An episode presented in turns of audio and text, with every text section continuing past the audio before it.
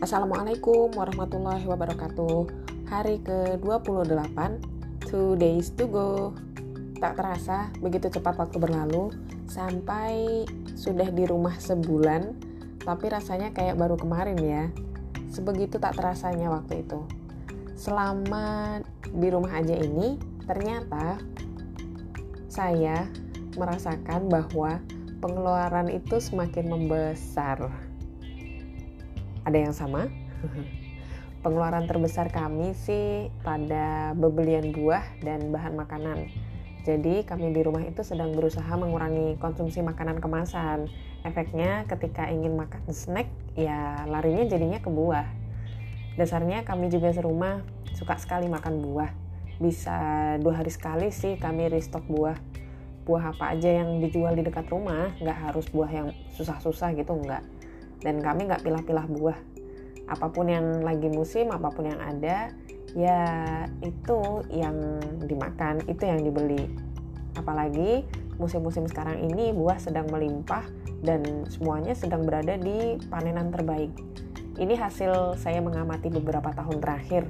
Ya jelek-jelek gini mantan anak agronomi hehe Hasil saya memperhatikan itu, jadi saya menyimpulkan bahwa ketika bulan Maret, April, Mei itu adalah musim buah-buahan dan sayur-sayuran itu sedang bagus-bagusnya.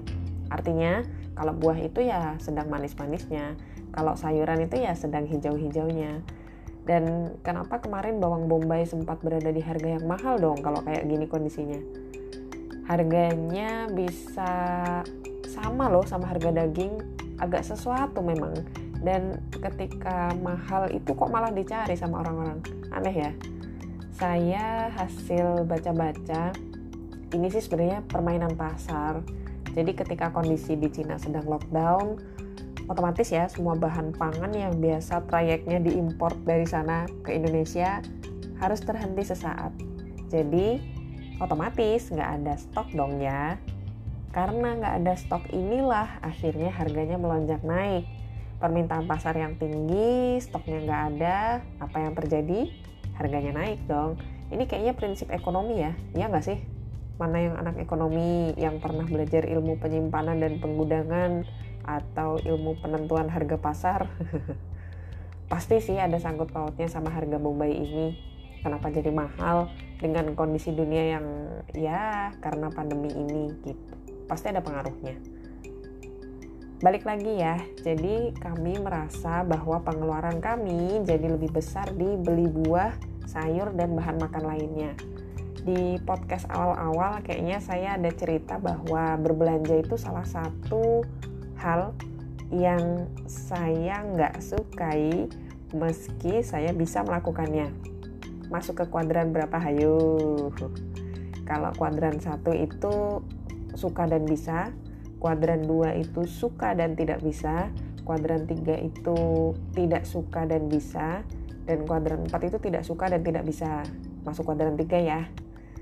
Gitu. Jadi urusan berbelanja di kami ini um, saya lebih sering pasrah sih ke, ke Kakanda apalagi kondisi begini ya mau keluar rumah tuh rasanya udah kayak mau ke mana gitu yang harus pakai masker ngantongin hand sanitizer ke mana-mana terus nggak sembarangan pegang-pegang ini itu terus belum lagi yang sampai rumah itu harus langsung copot baju, copot masker, ganti semuanya, cuci semua baju, mandi gitu kan. Dan karena pisis baju saya yang lebih banyak daripada Kakanda, jadilah Kakanda yang lebih sering keluar rumah kalau mau beli sesuatu. Tapi ya mungkin beliau juga merasa terfasilitasi sih karena keinginan belanjanya. Iya, di keluarga kami justru Kakanda yang lebih suka dan lebih bisa berbelanja kalkulatornya lebih tokcer emang. Misalnya ya misalnya kita sedang belanja bulanan gitu ke supermarket ada deterjen merek A harganya 10.000 isinya 600 ml sementara ada merek B harganya 300.000 tapi isi eh, harganya 13.000 tapi isinya 1000 ml dia tentu akan bisa milih yang merek B. Nah kalau saya harus keluarin dulu itu kalkulator dari HP, hitung dulu, baru memutuskan beli yang mana. Hal inilah juga yang membuat Kakanda itu sering hilaf saat belanja. jadi ngelihat tulisan diskon gitu atau ada barang dengan bundling dan harga miring itu bisa beli tuh dia dan memasukkan gitu aja ke dalam keranjang belanjaan saya sendiri suka heran sih sama hobi yang satu itu kan harusnya yang begitu itu ibu-ibu ya ini bapak-bapak loh nah berdasarkan cerita-cerita tadi saya jadi ingin merilis tips berbelanja hemat ala Widya ada beberapa tips yang pertama pasang niat dan berdoa. Niatkan berbelanja selain sebagai kegiatan pemenuhan kebutuhan, juga sebagai bentuk mencari ridho Allah. Ini penting sih.